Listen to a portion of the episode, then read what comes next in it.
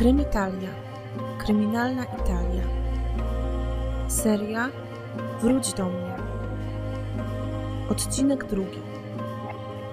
Zaginięcie Marcelli Basteri. Ciao, cześć. Opowiem Wam dziś historię zaginięcia, która rozegrała się gdzieś pomiędzy Włochami a Hiszpanią i Ameryką Południową, a dokładniej Chile. Nie będzie to sprawa bardzo typowa, ponieważ informacje na jej temat są ogromnie enigmatyczne, w większości zupełnie niepotwierdzone oficjalnie, i do tego jest tych informacji naprawdę niewiele. Co więcej, nie wiem nawet, czy było prowadzone jakiekolwiek oficjalne śledztwo takie z prawdziwego zdarzenia. A cała sprawa dotyczy osoby, której rodzina z całą pewnością miała wszelkie możliwe środki, aby szukać jej w każdym niemal zakątku świata. Ale zacznijmy od początku. Nie wiem, czy ktoś z Was zetknął się kiedyś z artystą o imieniu i nazwisku Luis Miguel, a właściwie pełne jego imię i nazwisko to Luis Miguel Gallego Basteri. Przez wielu jest on uznawany za jednego z najbardziej znanych i popularnych piosenkarzy Ameryki Łacińskiej, który odniósł ogromny, ale naprawdę ogromny sukces i sprzedał do tej pory około 100 milionów egzemplarzy swoich płyt. Często określa się go przydomkiem El Sinatra Latino, czyli latynoski Sinatra, albo El Sol de Mexico, czyli Słońce Meksyku, chociaż tak naprawdę urodził się w Porto dokładnie 19 kwietnia 1970 roku. A właściwie to zgodnie z prawdą 18 kwietnia, ale zrobiono błąd w dokumentach i wpisano 19. Czytałam, że jego ojciec zarejestrował go dzień później niż powinien. Nie wiem, czy z powodu pomyłki, czy miał jakieś inne powody. W każdym razie tutaj szczegółów nie znam, ale ten jeden dzień na pewno jest wpisany jeden dzień do przodu, omyłkowo. E, przez lata swojej aktywności artystycznej Luis Miguel zajmował się przeróżnymi gatunkami muzyki, od popu poprzez jazz do tanga i bolera. Zapisał się w historii muzyki jako artysta, który spopularyzował bardzo właśnie gatunek bolera. Co ciekawe, jako chyba jedyny piosenkarz z nurtu latynoamerykańskiego, nigdy właściwie nie śpiewał po angielsku, zawsze nagrywał swoje płyty po hiszpańsku. Występował m.in. w duecie z Frankiem Sinatrą, a wieść niesie, że kiedy w 2003 roku został namierzony irakijski dyktator Saddam Hussein, wśród jego rzeczy znaleziono m.in. płytę Luisa Miguela pod tytułem Segundo Romance. Co ma jednak ten wybitny artysta nurtu latynoamerykańskiego wspólnego z Włochami? Bo oczywiście omawiamy tutaj sprawy włoskie. Ano to, że jego mama, Marcella Basteri, pochodziła właśnie z kraju Dantego. Urodziła się ona w miejscowości Massa w regionie Toskania w 1946 roku, według innych źródeł 47. Tutaj wiele takich nieścisłości będzie się pojawiać. Nie wszystko pewnie będę tutaj Wam mówić, ale jak przyjdzie mi coś do głowy, co wiem, że, że było inaczej traktowane na różne sposoby w różnych źródłach, to na pewno Wam to powiem. No i Marcella z zawodu była aktorką. Na pewno do 11 roku życia mieszkała ze swoją ciotką we Włoszech, chyba ze, z ciotką od strony ojca. I nie wiem, czy jej mama wtedy nie żyła i dlatego była tylko z, z ojcem i z ciotką, y, czy żyła, ale z jakiegoś powodu nie mogła się nią zajmować. Nie jest to tak bardzo istotne dla sprawy, ale wiem na pewno, że Marcella po ukończeniu 11 roku życia wyjechała z Włoch do swojego ojca, który już jakiś czas wcześniej wyemigrował do Argentyny. Zresztą nie wiem, czy wiecie, ale w Argentynie mieszka bardzo dużo osób włoskiego pochodzenia. Była masowa emigracja swego czasu, ale to już właściwie byłby temat na odrębny podcast, więc nie będę się nad tym rozwodzić. W każdym razie Marcella wyjechała za ocean do swojego taty jako mała dziewczynka. Również mąż Marcelli, a ojciec naszego śpiewaka Luisa, Meksykanin lub według innych źródeł Hiszpan, Luisito Rey, związany był ze środowiskiem artystycznym. Przypomnę, że Marcella była aktorką, natomiast Luisito, jej mąż, realizował się przede wszystkim jako piosenkarz i całkiem zdolny gitarzysta. Pierwsze sukcesy zaczął odnosić w latach 70., ale mimo wszystko rodzina zmagała się z pewnymi problemami finansowymi. Bardzo często podróżowali pomiędzy Włochami, Stanami Zjednoczonymi i różnymi krajami Ameryki Południowej ze względu na tę artystyczną działalność Luisita. Para doczekała się oprócz Luisa jeszcze dwóch synów, Sergia i Alejandra. Ja Sergio wymawiam po włosku. Nie wiem, czy wymawiali to z, po hiszpańsku, czy bardziej po włosku. W każdym razie ja tutaj na potrzeby podcastu będę wymawiać po włosku. W małżeństwie właściwie od początku nie działo się najlepiej i pojawiały się przeróżne konflikty, zwłaszcza na tle kariery syna. Ponieważ już od bardzo wczesnych lat życia tegoż syna, Luisito wyczuwał w nim ogromny potencjał, a co za tym idzie, również okazję do zgromadzenia całkiem sporego majątku. Dlatego też, ale także z uwagi na trudności finansowe, z jakimi się borykali, ojciec bardzo zachęcał tego swojego młodego synka, można powiedzieć synka, bo on naprawdę był bardzo mały, kiedy zaczął swoją karierę, zresztą zaraz się przekonacie. Tak więc od najmłodszych lat zachęcał go do debiutu artystycznego.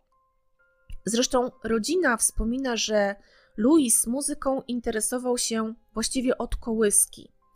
A jedna z jego włoskich ciotek przez lata przechowywała na przykład mebel, który jej siostrzeniec zniszczył, kiedy jako mały chłopiec próbował naśladować Elvisa Presleya. Taka rodzinna ciekawostka. Młody Louis zaczął odnosić pierwsze artystyczne sukcesy już w wieku 11 lat, takie oficjalne można powiedzieć i znane szerszej publiczności. Wtedy też, kiedy miał te 11 lat, jego ojcu udało się sprawić dzięki przeróżnym znajomościom w branży, aby Louis zaśpiewał na weselu córki ówczesnego prezydenta Meksyku, czyli całkiem niezła okazja do zaprezentowania swojego talentu.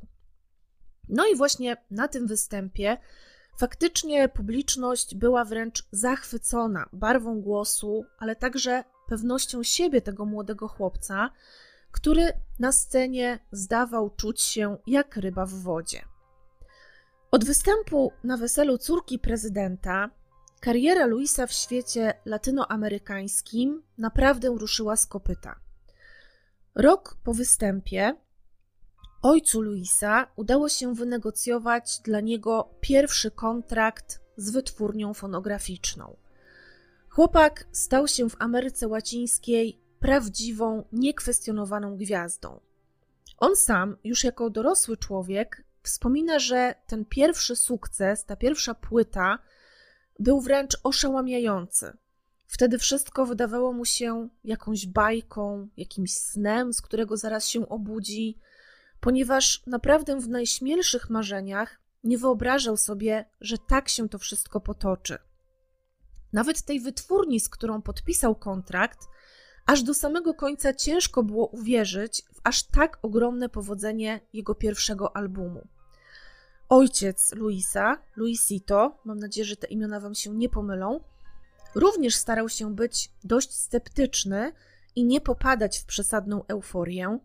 W końcu sukces pierwszej płyty mógł być zwyczajnym przypadkiem, takim zbiegiem sprzyjających okoliczności, i może należałoby poczekać, żeby zobaczyć, co będzie z tym dalej. Kolejne albumy potwierdziły jednak talent i umiejętności Luisa, zostały przyjęte tak samo lub nawet jeszcze bardziej entuzjastycznie niż debiut. Młody chłopak szybko wyruszył na wielkie tournée, które obejmowało takie kraje jak Argentyna, Chile czy Wenezuela. W czasie, kiedy syn koncertował, Marcella opiekowała się pozostałą dwójką dzieci. No i niestety też na tle kariery Luisa, tak naprawdę cały czas wybuchały pomiędzy nią a jej mężem gwałtowne kłótnie. Zaraz Wam powiem dokładniej dlaczego. Marcella w tamtym okresie, kiedy ta kariera syna już zaczęła się rozwijać, kiedy już był właściwie gwiazdą, taką nastoletnią w Ameryce Łacińskiej, Marcella już wtedy dość często latała do Toskanii, gdzie dom miał jej ojciec, i szukała tam przede wszystkim schronienia przed taką codziennością, przed tymi wszystkimi problemami, z którymi się borykała. No i przede wszystkim też z takimi trudnościami związanymi z przedwczesną, jak uważała, karierą jej syna Luisa. Kiedy w 1984 roku wychodzi kolejny, bardzo pozytywnie odebrany album, Luis ma wówczas 14 lat.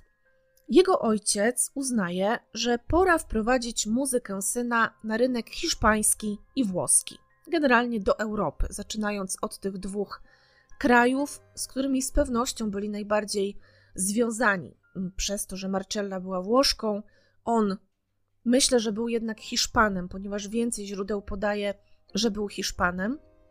W każdym razie w 1985 roku Louis dostaje również swoją pierwszą nagrodę Grammy, zresztą właściwie chyba jako pierwszy w historii artysta latynoamerykański. W międzyczasie wychodzą też dwa filmy z udziałem chłopaka. Jeden z nich z bardzo znaną meksykańską aktorką o pseudonimie Lucero. W tym samym 1985 roku, wiedzeni tą chęcią zaistnienia syna na rynku europejskim, rodzice zgłaszają go do udziału w słynnym włoskim festiwalu piosenki w Sanremo. Z pewnością o nim słyszeliście. Utwór pod tytułem Noi ragazzi di oggi, napisany przez słynnego włoskiego artystę Toto Cutugno, zajął wtedy drugie miejsce i otworzył chłopcu drzwi znowu, tym razem na rynku europejskim, do oszałamiającej kariery. Zupełnie dotąd nieznany we Włoszech chłopiec w marynarce i krawacie podbił z miejsca serca publiczności, a zwłaszcza tej nastoletniej jej części i żeńskiej pewnie bardziej. Płyty Luisa zaczęły się sprzedawać jak świeże bułeczki, a większość dziewczyn znała na pamięć Noi ragazzi di oggi, czyli tłumacząc na polski, my dzisiejsza młodzież. Chłopak ruszył również w trasę po znanych włoskich kurortach, a jego płyta została też wydana we włoskiej wersji. Całe tournée okazało się oczywiście również oszałamiającym sukcesem, a fanki reagowały na Luisa wręcz fanatycznie. Bez przesady można powiedzieć, że chłopak stał się idolem setek tysięcy włoskich nastolatek. Luis nie zabawia jednak we Włoszech zbyt długo, pozostawiając niestety pewnie sporą pustkę w sercach nastoletnich wielbicielek. Natomiast jego kariera za oceanem, tak jak poprzednio, nadal bardzo dynamicznie się rozwija. W 1991 roku sprzedaje 7 milionów egzemplarzy płyty Romance, a w 1992 jako pierwszy artysta latynoamerykański zdobywa złotą płytę w Stanach Zjednoczonych, natomiast rok później zostawia odcisk swojej dłoni na słynnej Alei Sław w Los Angeles. Przez jakiś czas Luis Miguel był również związany z Mariah Carey, a następnie z meksykańską aktorką Araceli Arambulą, która w 2007 roku urodzi mu syna Miguela. Tak więc mamy tu platynowe i złote płyty, przeróżne nagrody na wszelkiego rodzaju festiwalach, ogromne pieniądze, fanatyczne wręcz uwielbienie, uwielbienie fanek, no taki powiedziałabym, latynoamerykański Michael Jackson. A podaję te szczegóły po to, żeby Wam w ogóle nakreślić skalę sławy Luisa Miguela, który, jak sądzę, w Polsce nie był chyba aż tak ogromnie popularny. Ja na przykład chyba w ogóle wcześniej o nim nie słyszałam, chociaż z pewnością jakiś jego kawałek musiał mi się obić o uszy. Dajcie proszę znać, czy wy go znaliście. Mniej więcej w roku 1985, czyli po sukcesie syna na festiwalu w Sanremo, Marcella postanawia wrócić na stałe do swojej ojczyzny. Wcześniej, jak wiecie, tylko pomieszkiwała we Włoszech, kursując pomiędzy dwoma kontynentami, natomiast teraz chce już osiąść tu na dłużej. Powody tego są zasadniczo dwa. Po pierwsze, opieka nad starszym, schorowanym ojcem, który jej potrzebuje, a po drugie, separacja z mężem.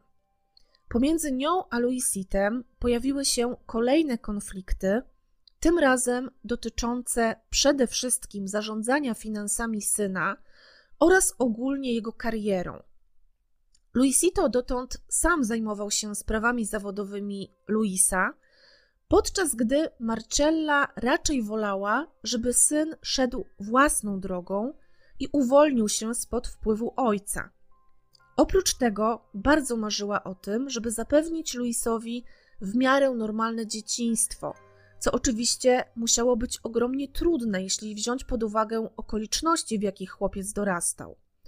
No, taka kariera w wieku 11 lat, uwielbienie fanek w wieku 14 lat, no to na pewno nie jest coś, co zdarza się codziennie i każdemu. Sam Luis Miguel zdawał się jednak doceniać doświadczenie i instynkt swojego ojca i pozwalał mu w zasadzie kierować swoją karierą. Nie wiem, jak to wyglądało u nich w domu. Czy ten czternastolatek w jakiś sposób rozmawiał o tym ze swoją mamą, ze swoimi rodzicami? Czy oni go pytali w ogóle o zdanie? Czy on miał jakieś zdanie na ten temat? Kto powinien tą jego karierą zarządzać? Czy to właściwie był głównie problem między jego rodzicami? Podejrzewam, że bardziej między rodzicami, no był zupełnie wtedy jeszcze młodziutki, niepełnoletni. Tak więc y, chyba tam chodziło po prostu o Marcellę i Luisita, o to, że oni się nie mogli dogadać co do właśnie kierunku rozwoju tej kariery Luisa.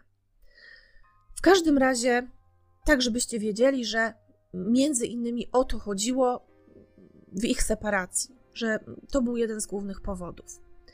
W 1986 roku Louis poznaje fotografkę Marianę Jazbek, która zostanie jego pierwszą wielką miłością. I to właśnie ona pociesza chłopaka w trudnym czasie, jakim jest dla niego separacja jego rodziców. Jak już wspomniałam, kryzys trwał właściwie od lat, ale wreszcie para zdecydowała się na formalne zakończenie małżeństwa. Niestety, w tym samym roku, 86, Luisa oraz całą jego rodzinę spotyka kolejny, jeszcze gorszy cios. A jaki? Marcella Basteri, mama Luisa, znika bez śladu w bardzo dziwnych okolicznościach.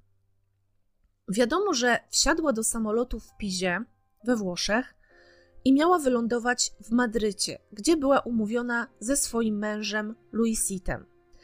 Nie wiem, czy oni byli już wtedy po rozwodzie formalnie, czy mieli się jeszcze spotkać, żeby dograć jakieś prawne czy majątkowe kwestie. W każdym razie ślad po Marcelli urywa się w Madrycie lub według innych źródeł na lotnisku w Pizie. Tego do końca nie wiadomo. Ale ja bardziej będę się skłaniać ku wersji, że jednak ten ślad urwał się już po tym, jak kobieta wsiadła do samolotu i wylądowała w Hiszpanii. A dlaczego? Dlatego, że towarzyszył jej dwuletni synek, Sergio. Nawet widziałam chyba na Instagramie, nie wiem dokładnie y, jaki to był profil, ale postaram się to znaleźć i Wam podlinkować.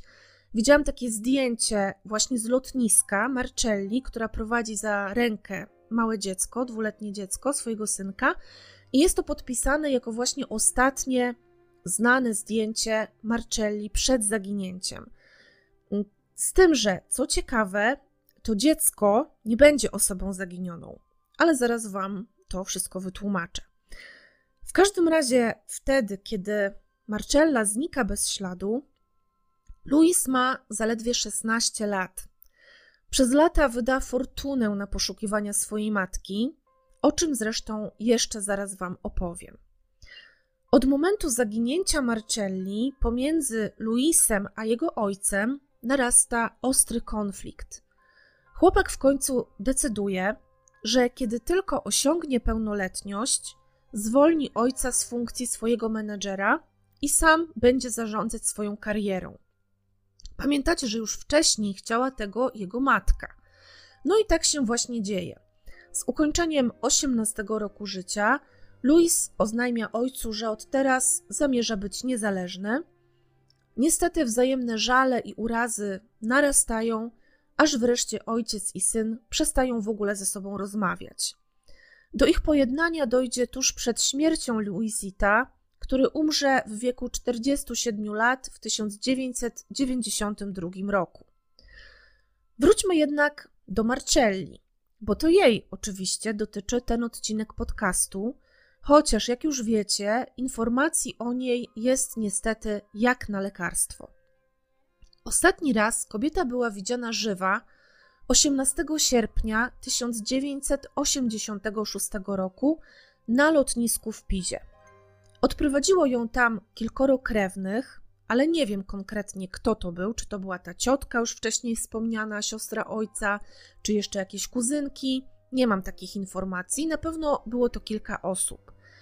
I był z nią na tym lotnisku, jak już wspomniałam, jej dwuletni synek Sergio. I teraz Wam powiem, co wyczytałam w niektórych źródłach, ponieważ niektóre źródła podają, że tak naprawdę nie wiadomo w 100%, czy kobieta wsiadła w ogóle do samolotu lecącego do Madrytu. W latach 80., czyli oczywiście czasach sprzed 11 września, przepisy bezpieczeństwa były dużo mniej restrykcyjne niż obecnie. Dlatego też oczywiście niewykluczone, że nawet jeśli krewni pożegnali kobietę, nawet przy bramkach bezpieczeństwa, a tego oczywiście nie wiem, tylko zgaduję, że mogło tak być, to była szansa, że mogła ona zawrócić i wcale nie polecieć tym konkretnym lotem.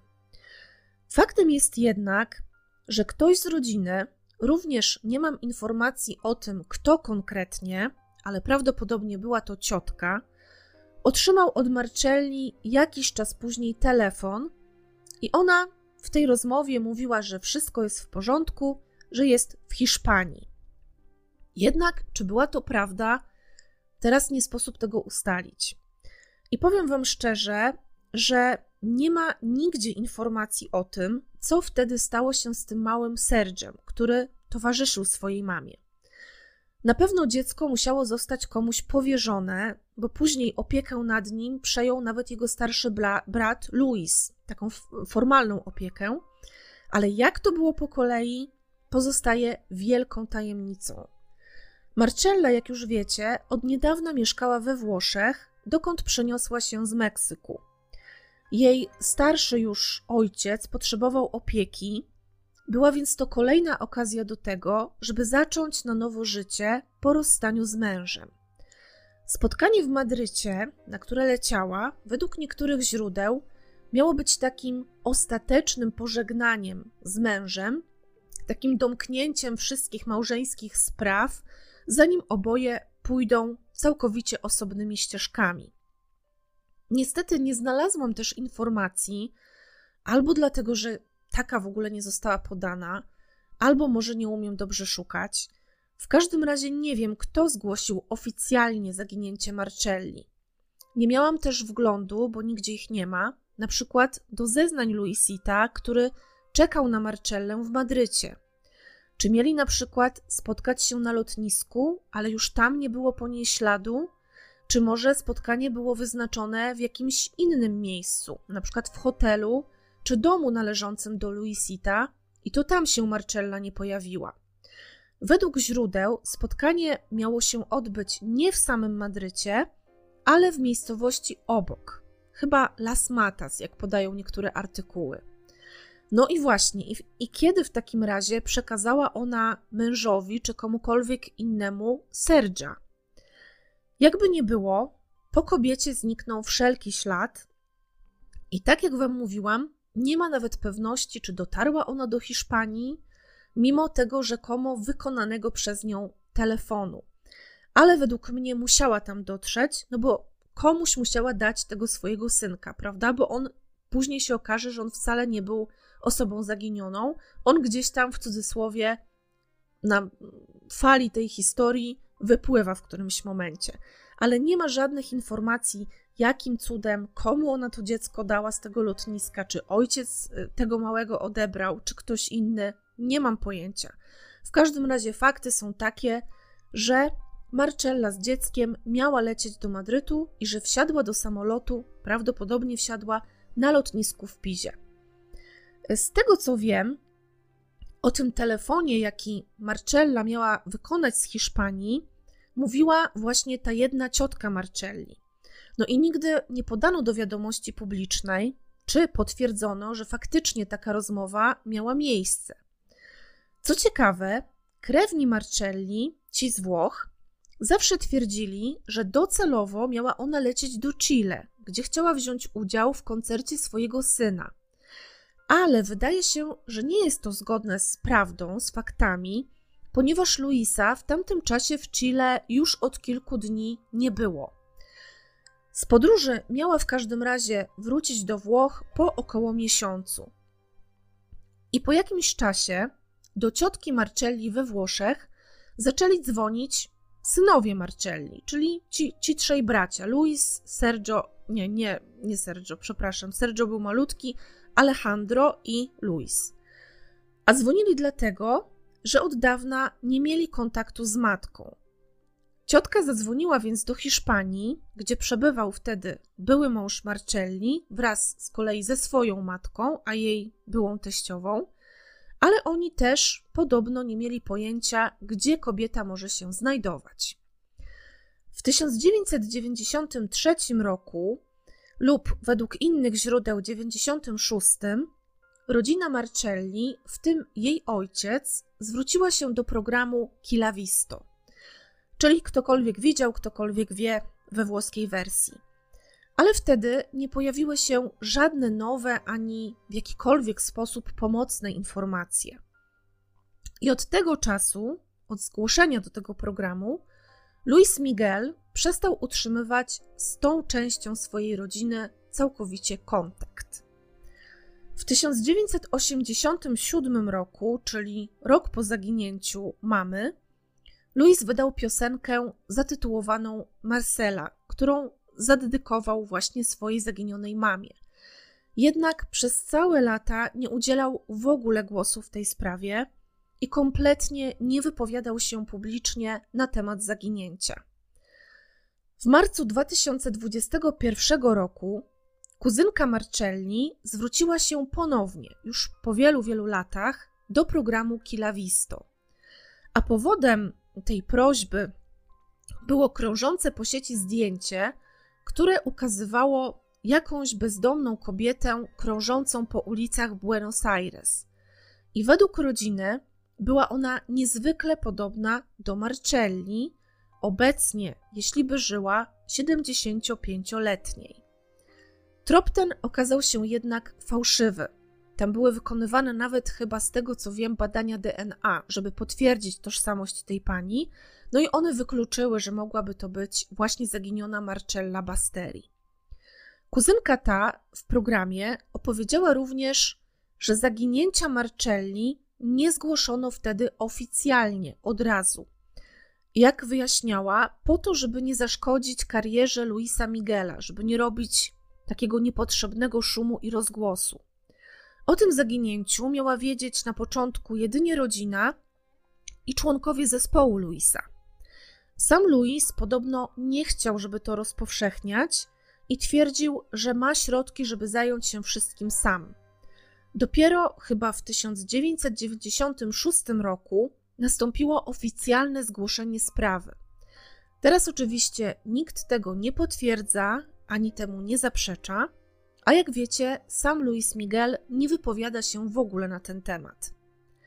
W trakcie programu wyszło również na jaw, że Luisito chciał, aby Marcella poleciała do Hiszpanii, ponieważ potrzebny był mu jej podpis, który zabezpieczał część majątku ich syna, wówczas przypomnę 16-letniego, w depozytach zgromadzonych w Szwajcarii. Oznacza to, że bez zgody Marcelli żadne pieniądze nie mogły zostać wypłacone. Ona musiała tam lecieć, coś podpisać i dopiero wtedy pieniądze mogły zostać im wypłacone. Ale czy tak naprawdę było? Nie wiadomo. To wypłynęło dopiero rok temu w programie Kilavisto. Programie Ciocia Marcelli wraca również do tematu Chile i Hiszpanii. Opowiada, że po około 25 dniach od wylotu z Pizy Marcella do niej zadzwoniła i powiedziała, że wybiera się z Hiszpanii do Chile i powiedziała też, że napisała list do swojego ojca, w którym wyjaśnia mu całą sytuację, w jakiej się znalazła i do którego dołącza również pewną sumę pieniędzy. Ten list jednak nigdy do adresata nie dotarł.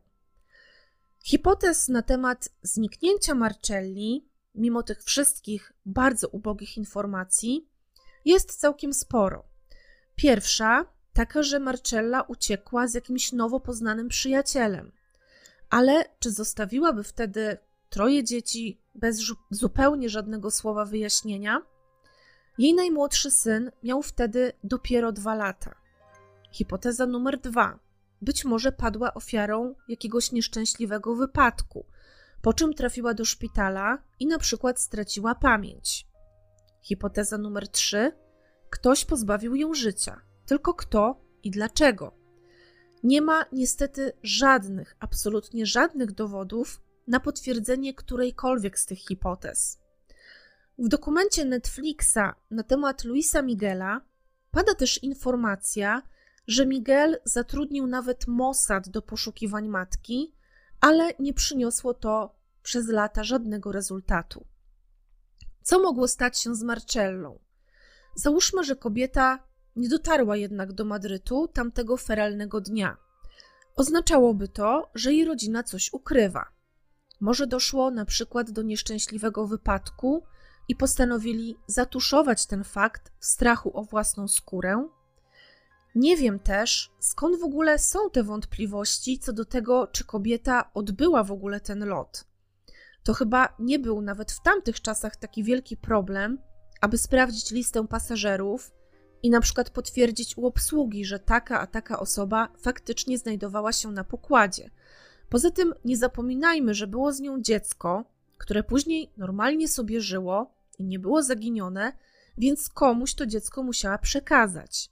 Stąd wersja o tym, że Marcelli nie było w samolocie, wydaje mi się jednak bardzo, bardzo mało prawdopodobna. Zakładamy więc teraz, że kobieta faktycznie doleciała do Madrytu. Ale co dalej? Gdzie się zatrzymała? Jeśli informacja od ciotki o telefonie jest prawdziwa, oznacza to, że Marcella 25 dni po wylądowaniu na pewno żyła i że była jeszcze wtedy względnie bezpieczna. W każdym razie nie dawała żadnych sygnałów, że mogłoby być inaczej. Dlaczego jednak wspomniała o liście do ojca? Co chciała mu powiedzieć? Czy jednak czegoś się bała?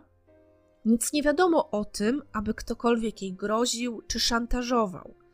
Ze słów ciotki, która dzwoniła do Luisita i jego matki do Hiszpanii, wynika, że mężczyzna nie widział się z byłą żoną, mimo że byli umówieni. Komu więc dała dziecko, które było całe i zdrowe i kiedy?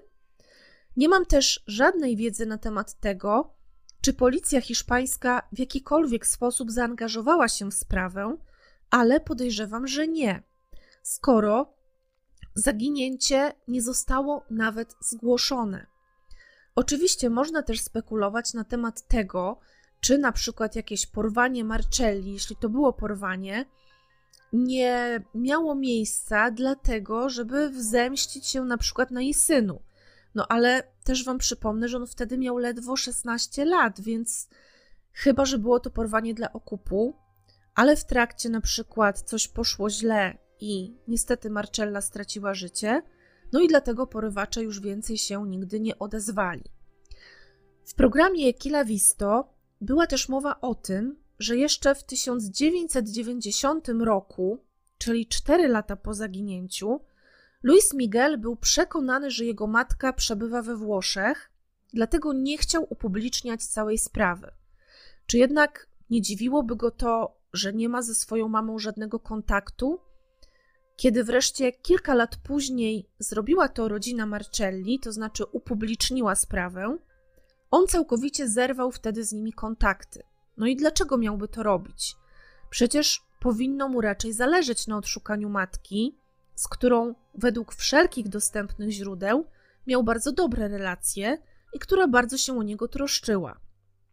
I te, te tłumaczenia z tym, że on nie chciał rozgłosu, wydają mi się naprawdę bardzo naciągane. To znaczy, to nie są chyba w ogóle jego tłumaczenia, bo jak wiecie, on się na ten temat nie wypowiada, tylko rodzina Marcelli, ta włoska rodzina głównie, ale nie tylko, bo tam meksykańskie jakieś kuzynki czy hiszpańskie też tam się wypowiadały w prasie.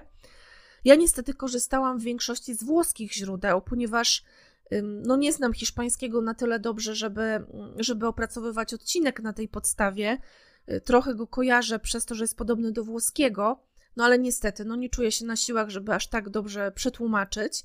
Być może w hiszpańskojęzycznych źródłach byłoby więcej informacji na ten temat, ale to już tak abstrahując.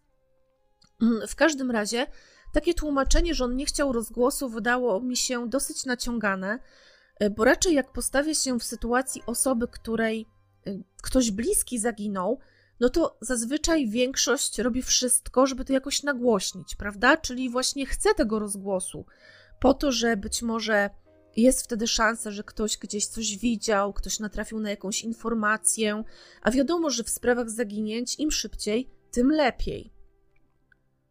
W każdym razie, jak wiecie, w sprawie nie było absolutnie żadnego podejrzanego, nikomu nie postawiono zarzutów, a właściwie to nie podano nigdy takiej informacji do wiadomości publicznej, co oczywiście nie jest równoznaczne z tym, że faktycznie czegoś nie zrobiono. Właściwie to nie mam nawet pewności co do tego, czy jakiekolwiek śledztwo w ogóle było w tej sprawie prowadzone. Wydaje mi się to, tak jak powiedziałam, bardzo nietypowe, zwłaszcza, że chodzi o osobę niemalże publiczną, bo matkę słynnego piosenkarza. A nie oszukujmy się, świat niestety tak działa, że osoby znane mają zazwyczaj dużo większe przywileje niż zwykli ludzie. Jakim więc cudem cała policja świata nie została postawiona na nogi po zaginięciu Marcelli? Luis Miguel był wtedy oczywiście nieletni, ale jego fortuna była już wtedy niewyobrażalna. Pieniędzmi rozporządzał Luisito. Czytałam, tak jak Wam już wspomniałam wcześniej, że Luis na przestrzeni lat wydał ogromne kwoty na poszukiwania matki, ale są to jedynie takie informacje z artykułów w internecie nic oficjalnego. Więc tak naprawdę nie wiem, jak to było. Oczywiście oskarżanie kogoś bez żadnych dowodów byłoby bardzo niesprawiedliwe i wręcz niedopuszczalne, zwłaszcza jeśli chodzi o 16-letniego chłopca, jednak postawa ojca tutaj z pewnością trochę zaskakuje. Brak kontaktu z Marcellą przez wiele miesięcy, mimo tego, że byli przecież umówieni, nie skłonił go absolutnie do wszczęcia jakiegokolwiek alarmu, a przynajmniej nieoficjalnie. Ciekawe jest również to, że Luis Miguel praktycznie w ogóle nie wypowiada się o swojej matce, do czego z drugiej strony oczywiście ma prawo. Być może ból po jej stracie był dla niego tak duży, że do tej pory, mimo że minęło ponad 35 lat, on nie jest w stanie o tym mówić publicznie. Oczywiście zdarza się. Może tak być. Co również dość zastanawiające, zdaje się, że Louis nie utrzymuje kontaktów ze swoimi braćmi, Sergiem, którego nawet był przez jakiś czas formalnym opiekunem, oraz Alejandrem, lub te kontakty są naprawdę bardzo znikome. Oni dwaj z kolei raczej nadal są sobie bliscy, co potwierdza m.in. wspólne zdjęcie wrzucone na Instagrama przez jednego z nich w 2019 roku. I to już niestety koniec tej smutnej i zagadkowej historii. Gdyby nie to, że tak naprawdę do dziś nie wiadomo, gdzie zaginęła Marcella, we Włoszech, w Hiszpanii, czy może jednak w Chile, myślę, że byłyby jakieś szanse na jej odnalezienie. W tym momencie jednak uważam, że to jak szukanie igły w stogu siana. No nie ma możliwości, żeby znaleźć ją po tylu latach, jeśli sama nie będzie tego chciała, oczywiście jeśli żyje jeśli odejście było jej własnym wyborem. A wy co o tym myślicie? Co mogło spotkać mamę słynnego Luisa Miguela? Dzięki za wysłuchanie kolejnego odcinka i zapraszam ponownie już za tydzień. Ciao!